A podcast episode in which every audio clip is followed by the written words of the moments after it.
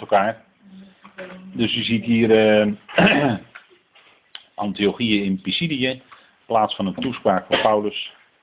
En uh, dat is denk ik toch even goed om te zien daar zo, dat, die, uh, die, dat gebied, dat gebied daar. Dat is het huidige Aziatische Turkije. Hè, dat.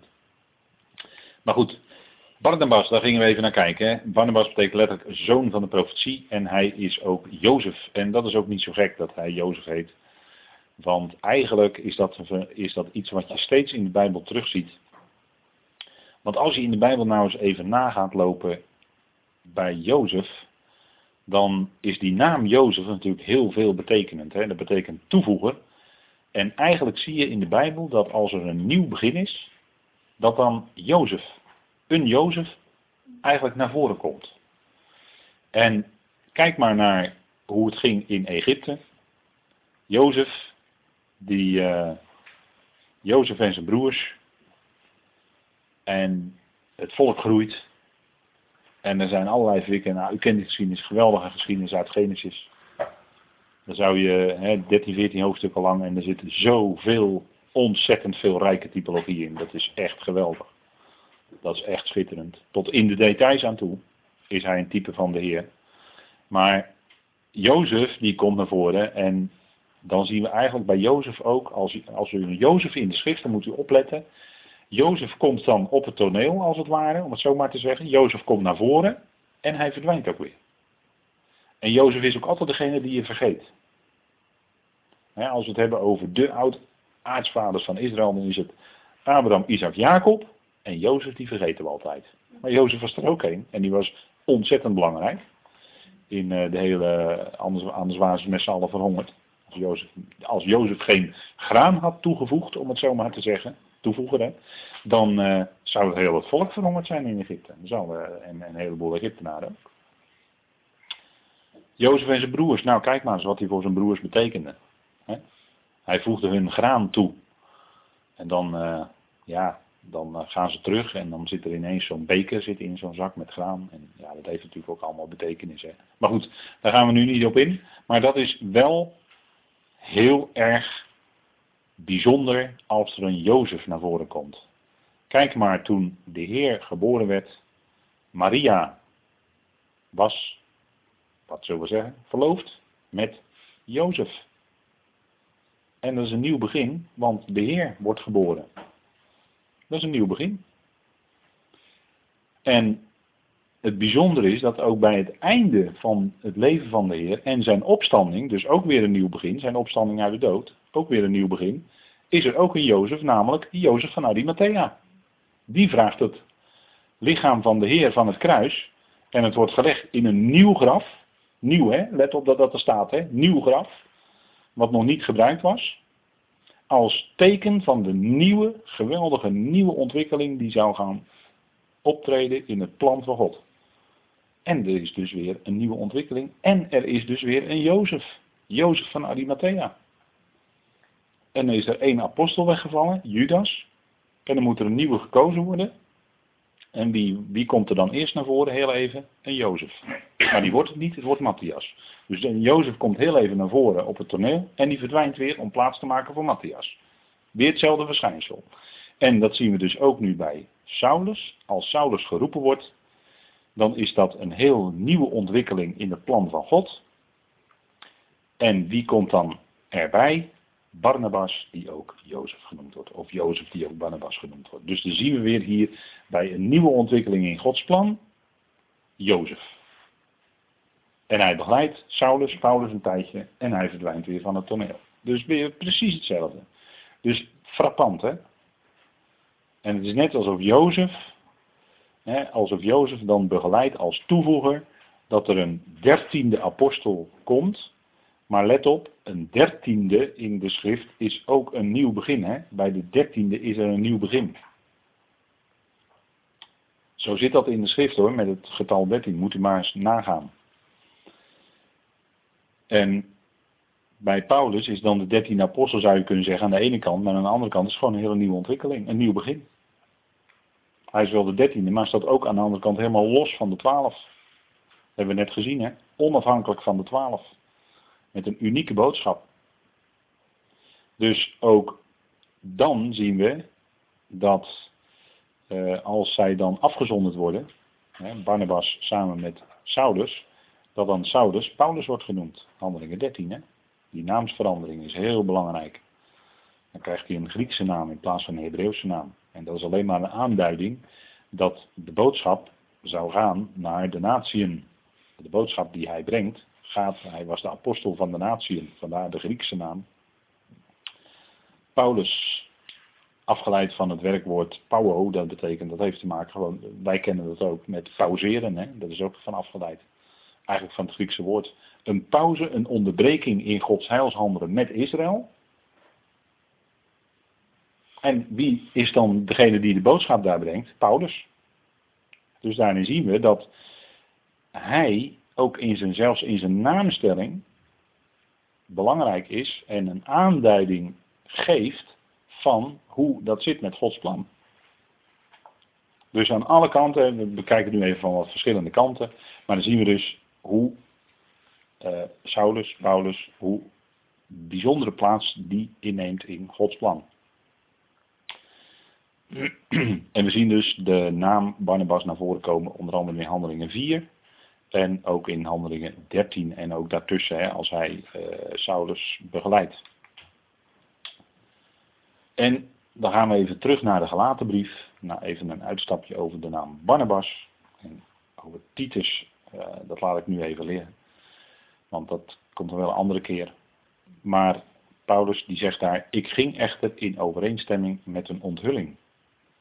Dus een onthulling door Christus Jezus. En het woord onthulling, dat betekent uh, uh, de bedekking wordt weggenomen. Dat betekent letterlijk vanaf dekken. Hè, dus de, het dek wordt weggenomen. Zoals een standbeeld onthuld wordt, dan wordt het laken ervan afgehaald en het standbeeld wordt onthuld. Hè. Er zat een verhulling omheen, maar het wordt dan onthuld. Nou, dus het woord in het Grieks ook een onthulling door Christus Jezus.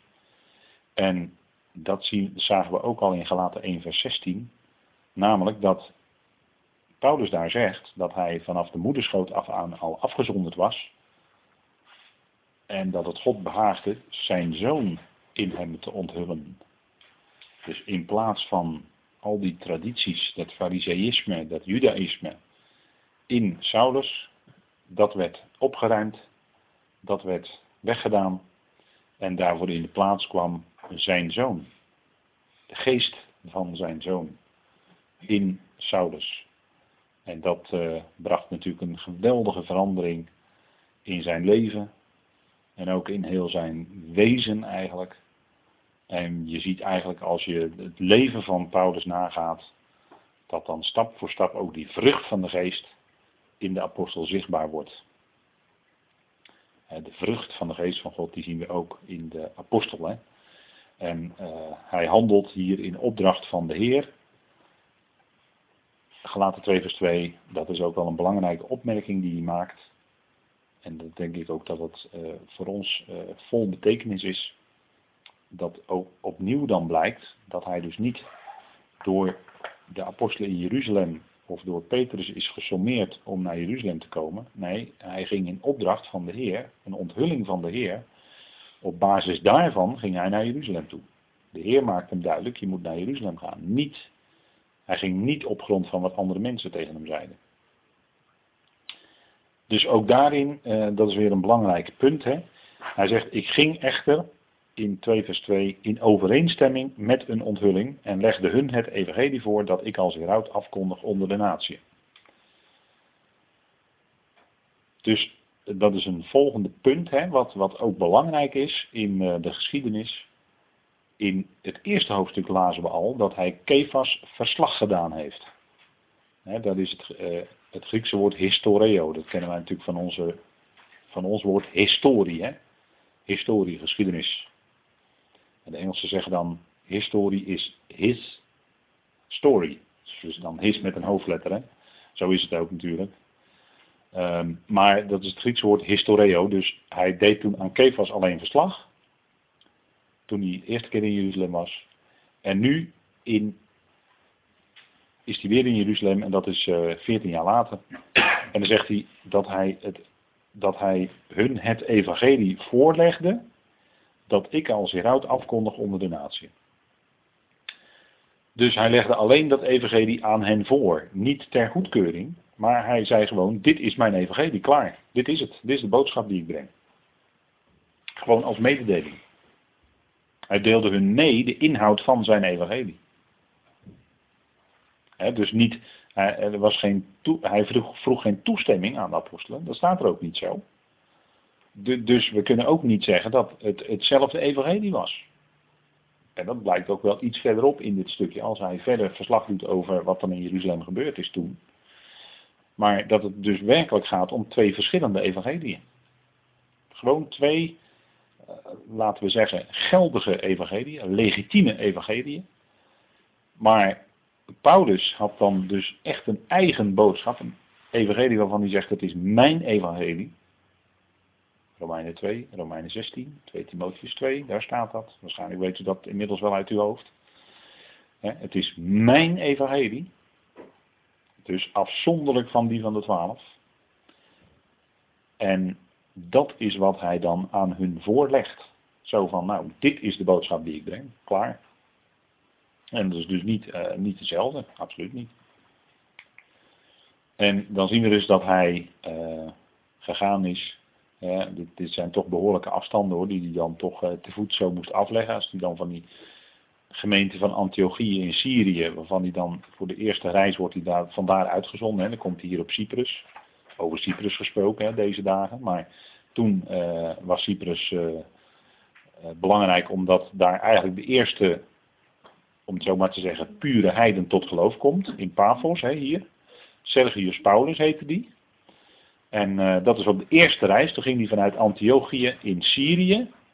Ging hij op reis en dan via Cyprus ging hij hier naar Pisidië. En dan komt hij hier in dat andere Antiochië in Pisidië waarvan hij de foto's heeft gezien. Dus dit is een andere Antiochië. Hè.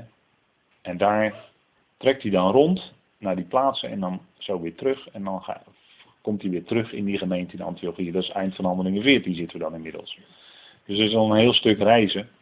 Met, uh, met allerlei gevaren natuurlijk onderweg. En dan hier ook de reis naar Jeruzalem en terug. Maar je ziet dus dat daar een behoorlijke stuk tussen zit. En niet alleen geografisch, niet alleen geografisch, maar ook geestelijk vond hier een hele andere ontwikkeling plaats dan in Jeruzalem.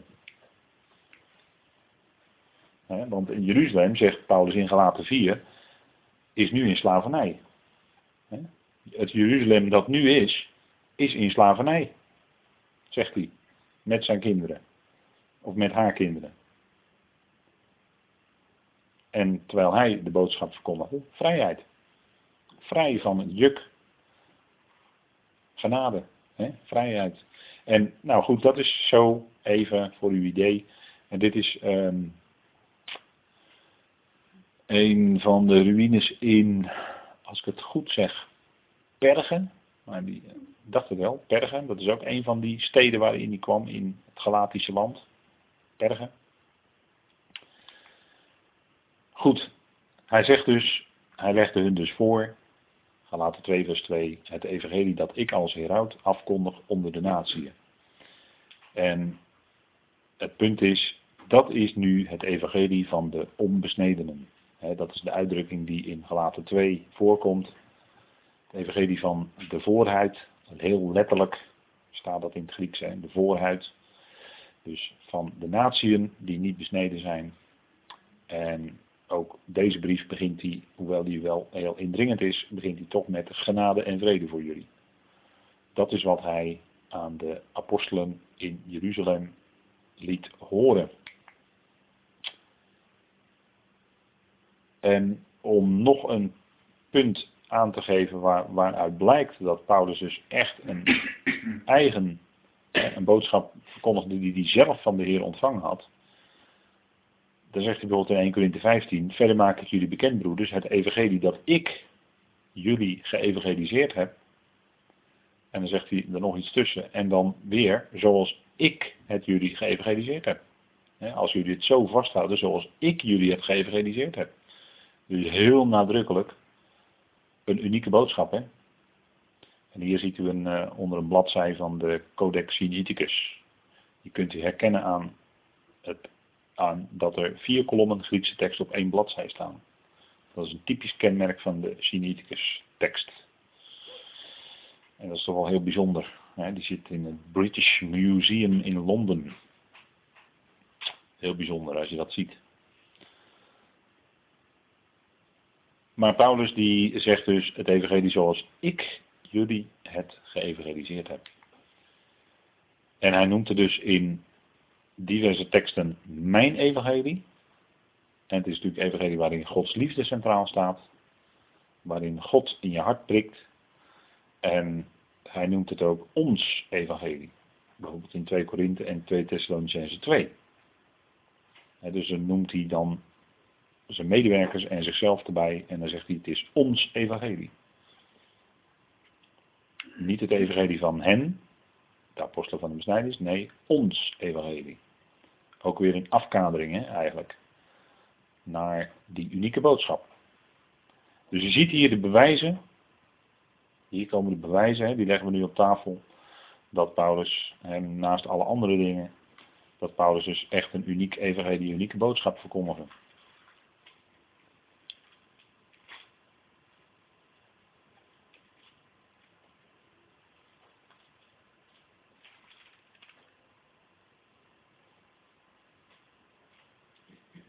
En u ziet ook dat, uh, ja, niet alleen in Romeinen zegt hij dus mijn evangelie, maar ook in zijn waarschijnlijk laatste brief, 2 Timotheus 2, spreekt hij nog steeds over mijn evangelie. Dus dan is hij al aan het afsluiten, maar dan heeft hij het nog over mijn evangelie. Dus uh, denk erom dat dat uh, voor hem helemaal zo vast stond als een huis. En voor u en voor mij ook natuurlijk. Hè? En dan zegt hij, ik legde hun het evangelie voor. We zijn nog steeds in gelaten 2 vers 2. Hun is dan de apostelen en eventueel enkele anderen van de besnijdenis. En dan zegt hij erbij, en afzonderlijk aan hen die in aanzien zijn. Dus hij legde hun het evangelie voor, staat er in 2 vers 2, dat ik als heraut afkondig onder de natie. Maar afzonderlijk aan hen die in aanzien zijn, opdat ik niet te vergeefs zou rennen of gelopen had. En die in aanzien zijn, zijn dan Jacobus, Kefas en Johannes. En die vinden we dan in de versen 7 tot en met 10 terug in dit hoofdstuk. Maar daar zullen we de volgende keren wel met elkaar indringend over spreken.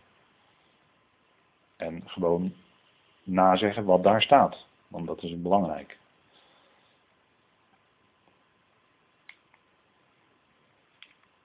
Dus dat zijn degenen die in aanzien zijn. Hè. Daar die versen wordt er genoemd de zuilen, geloof ik, hè, als ik het goed heb. De zuilen of de steunpilaren, voor woord? Ja, steunpilaren, vers, uh, vers 9. Ze gaven hem de rechterhand, Jacobus, Kefas en Johannes, die geacht werden steunpilaren te zijn. Mij en Barnabas de rechterhand van gemeenschap, opdat inderdaad wij voor de natie, maar zij voor de besnijdenis zouden zijn dus ze gaven elkaar de rechterhand. Er was volledige erkenning, wederzijds, volledige erkenning van beide evangeliën. Gewoon erkenning van nou, oké, het is een, inderdaad een heel andere boodschap. En uh, daar gaan jullie je weg mee. En wij gaan met uh, de boodschap die wij uh, moeten verkondigen, gaan wij onze weg. Nou, dat was gewoon volledige erkenning. Ze gingen in, als het ware in, in broederschap uit elkaar. Hè. Dat, nou, kom er maar eens om vandaag de dag. Iconium ook zo'n plaats in uh, Galatië, in dat Galatische land daar, Iconium. Ook misschien aardig, hè, als u eens een keer naar de, als u eens een keer wil bakken in de Turkse Riviera in de zon, zoals ze dat tegenwoordig noemen, de Turkse Riviera. Antalya of zo, weet ik veel. Nou, daar kunnen ze dan lekker bakken in de zon. Maar je kan ook het land binnentrekken, het Turkse land. En dan kom je in deze plaats en dan word je herinnerd aan Paulus. Misschien ook wel aardig om een keer te doen. Goed, de vraag is, wanneer was dit bezoek? Waar Paulus het in Galaten 2 over heeft. Was dat tijdens het apostelconvent in Handelingen 15? Dat wordt wel algemeen gedacht. Alleen het zou kunnen zijn dat het anders ligt. Want als je kijkt in de tekst, dan zie je dat hier Paulus zegt: Ik ging naar een onthulling. En in Handelingen 15 worden zij door de gemeente in Antiochië gestuurd naar Jeruzalem. Dus dat, is een andere, dat lijkt een andere setting te zijn. Hè? Dat lijkt een, andere, uh, een, een, een ander gebeuren te zijn. Dus dat is een punt hè, waarvan u zou kunnen zeggen, hé, hey, ja, misschien is het toch anders. Ik moet zeggen dat ik het zelf ook uh, lange tijd gedacht heb, dat, dit, uh, dat Paulus hier schrijft over Handelingen 15. Maar het zou anders kunnen zijn. Het maakt uh, voor zijn evangelie natuurlijk allemaal helemaal niks uit, maar het, zijn, het is toch, geeft toch weer even iets andere inzicht hoe het toen gegaan is. En dan het tweede punt wat je erbij aan kan voeren is Ehm, in de gelaten brief wordt eigenlijk al helemaal duidelijk gemaakt dat besnijdenis niet nodig is. Titus werd niet genoodzaakt zich te besnijden, bijvoorbeeld, hè, tijdens die ontmoeting. En wij zien dus dat, uh, dat uh, de apostel ook zegt, in, in, bijvoorbeeld in Galaten 5, dat uh, indien jullie je laten besnijden, dan zal Christus jullie geen nut doen. Dan gaat het over de praktisch geloofsleven, hè, praktijk. Indien jullie laten besnijden, zou Christus jullie geen doen. Dus het was eigenlijk voor Paulus, maakt in de gelaten brief al een uitgemaakte zaak dat besnijdenis absoluut niet nodig was.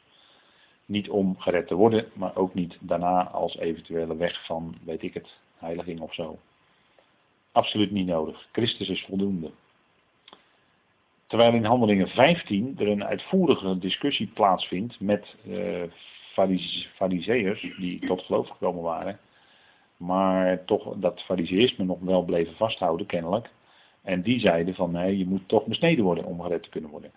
Nou, dat, in de gelaten brief is dat al een hele uitgemaakte zaak in feite. Dus dat was daarvoor eigenlijk al onderling tussen de apostelen duidelijk geworden. Alleen omdat er heel veel verzet kwam vanuit die groep van de fariseeën in Jeruzalem, werd dat in het apostelconvent kwam dat uitgebreid aan de orde. En toen bleek er dus wel inderdaad er enigszins toch wel een scheiding van geesten al te hebben plaatsgevonden. Maar goed. Dus dit is ook een punt. En nog een punt is, Paulus zegt in Galaten 2 vers 6 dat tijdens die ontmoeting waar hij het in Galaten over heeft, dat hem niets werd opgelegd. Terwijl in Handelingen 15, na het apostelconvent, gaf Jacobus enkele inzettingen of decreten door die zij aan de natieën moesten doorgeven. Dus daar werd wel iets opgelegd. Namelijk dat ze zich moesten onthouden van het verstikken, van het bloed en van hoererij. Nou, dat was die cultische. Uh, dat ging over die cultische. Uh, de cultus bij de tempels, die, uh, die prostitutie bij de tempels enzovoort. Hè. Daar heeft uh, Jacobus het dan over. Dat ze zich moesten onthouden van het verstikte, van bloed en van hoererij. Dus die decreten, die werden daar opgelegd, terwijl Paulus hierin gelaten zegt, er werd ons niets opgelegd. Dus dat is ook een belangrijk verschil. En dan kun je je afvragen, ja, maar nu hebben we verschillende punten gezien van waarom het dan niet waarschijnlijk in die ontmoeting in Handelingen 15 is geweest, het apostelconvent. Maar mogelijk een eerdere ontmoeting zou het geweest kunnen zijn. En die ruimte zit er wel in de tekst. Wanneer zou dat dan wel geweest kunnen zijn? Nou, daarover kunnen wij lezen in Handelingen 11 en 12. Dan laten we dat even met elkaar opzoeken. Handelingen 11 en 12.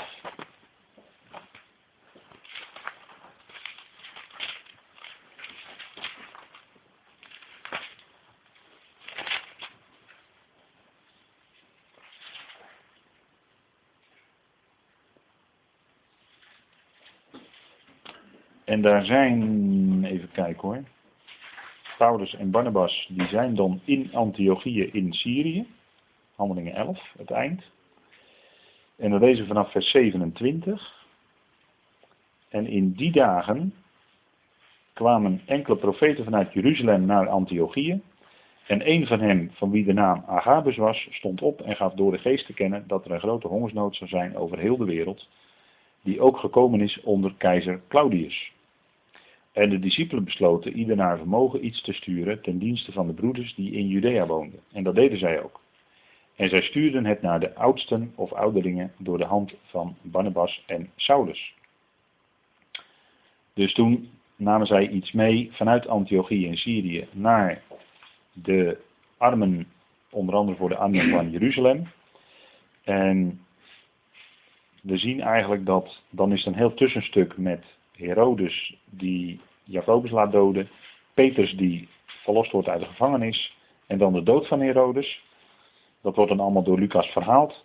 En dan zien we in 12 vers 25. Barnabas nu en Saulus keerden terug uit Jeruzalem na hun dienstwerk vervuld te hebben. En ze namen ook Johannes mee, die Marcus genoemd wordt. Dus hier zien we dat uh, Barnabas en Saulus weer terugkomen uit Jeruzalem. Dus daar is een bezoek geweest in je, aan Jeruzalem. En Paulus die doelt in de gelaten brief in het tweede hoofdstuk mogelijk op dit bezoek wat zij toen hebben gebracht aan Jeruzalem. Ja? En dat was dus op grond van een onthulling dat hij ging. De Heer maakte hem duidelijk dat hij naar Jeruzalem moest gaan met Barnabas. En hij ging. En dan gaan ze dus hier in 12 vers 25 weer uit Jeruzalem terug naar de gemeente in Antiochië in Syrië. Dus dat is even een andere, een stukje verschuiving van wanneer het bezoek dan geweest is. En geestelijk gezien maakt dat eigenlijk niet uit. Maar wel uh, hoe het gegaan is in de geschiedenis. En het, laat ook, het maakt de gelaten brief ook op bepaalde punten dan iets logischer, om het zo maar te zeggen. Dan als uh, wanneer uh, gelaten zou gaan over het apostelconvent.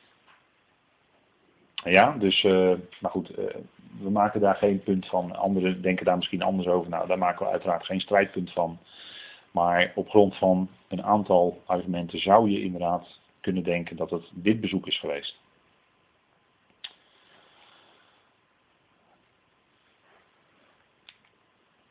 Goed, en dan uh, even resumerend ter afsluiting van vanavond de laatste dia. En dan heb ik nog even het tijdlijntje opgezet. En nog even iets uitgebreider als wat we vanavond al eerder hebben gezien. Je ziet dus dat die periode van 14 jaar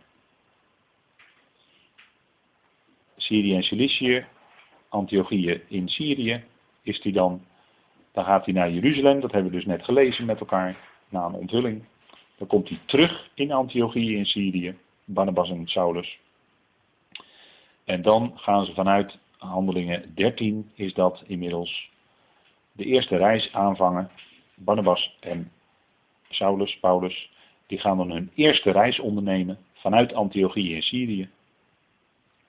En dan gaat, uh, dan gaat het echt uh, beginnen, zeg maar, nadat uh, nadat ze uitgezonden zijn en afgezonden zijn door de Heilige Geest, gaat het beginnen vanuit Handelingen 13 en dan komen ze voor het eerst in Galatië.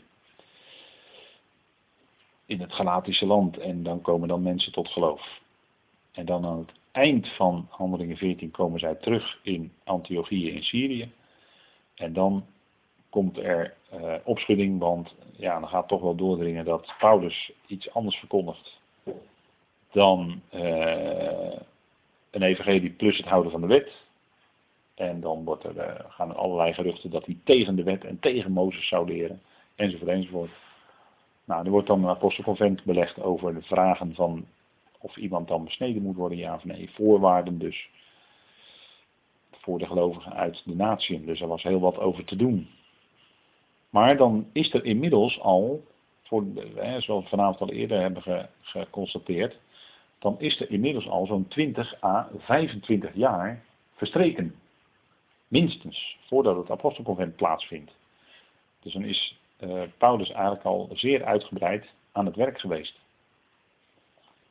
En dan zijn dus allerlei dingen, natuurlijk, zijn evangelie genade, dat, is, dat was voor de apostel zelf natuurlijk heel duidelijk en heel helder. Maar uh, daar was dus veel verwarring over. Er waren veel vragen over. We zitten dan met de wet. En de Joden dachten vanuit hun volk, hun eigen volk, dat het, uh, dat het bedoeld was voor licht voor de andere volken, enzovoort, enzovoort. Nou, met al dat soort vragen zaten ze natuurlijk. En daarmee verbandhoudend ook de wet. Hoe, denk, hoe kijk je aan tegen de wet en moet je de wet houden? Nou, dat kwam dus allemaal naar voren, hè, die, uh, die zaken. Dus heeft u hier even een overzicht zoals dat toen gegaan is. En uh, ja, als je daar de, de, dus de, de, de, de, geestelijke lijn in wil zien, hè, dan, dan is dat vooral dat uh, Saulus Paulus helemaal onafhankelijk van de andere apostelen heeft geopereerd, een evangelie heeft ontvangen, zelf rechtstreeks van de Heer, wat dus niet, totaal niet in, uh, waarvoor hij dus totaal niet toestemming moest vragen aan anderen, aan de apostelen van de besnijdenis of wat dan ook. Het is gewoon een hele afzonderlijke lijn die de Heer begint door Saulus Paulus heen. En ik denk dat dat uh, daarvoor is dat historische verslag, denk ik, ook bedoeld, hè, om dat te laten zien. Dat wil Paulus laten zien. Nou, goed, ik denk dat het uh, goed is om het hierbij te laten vanavond. En dan gaan wij een uh, volgende keer weer verder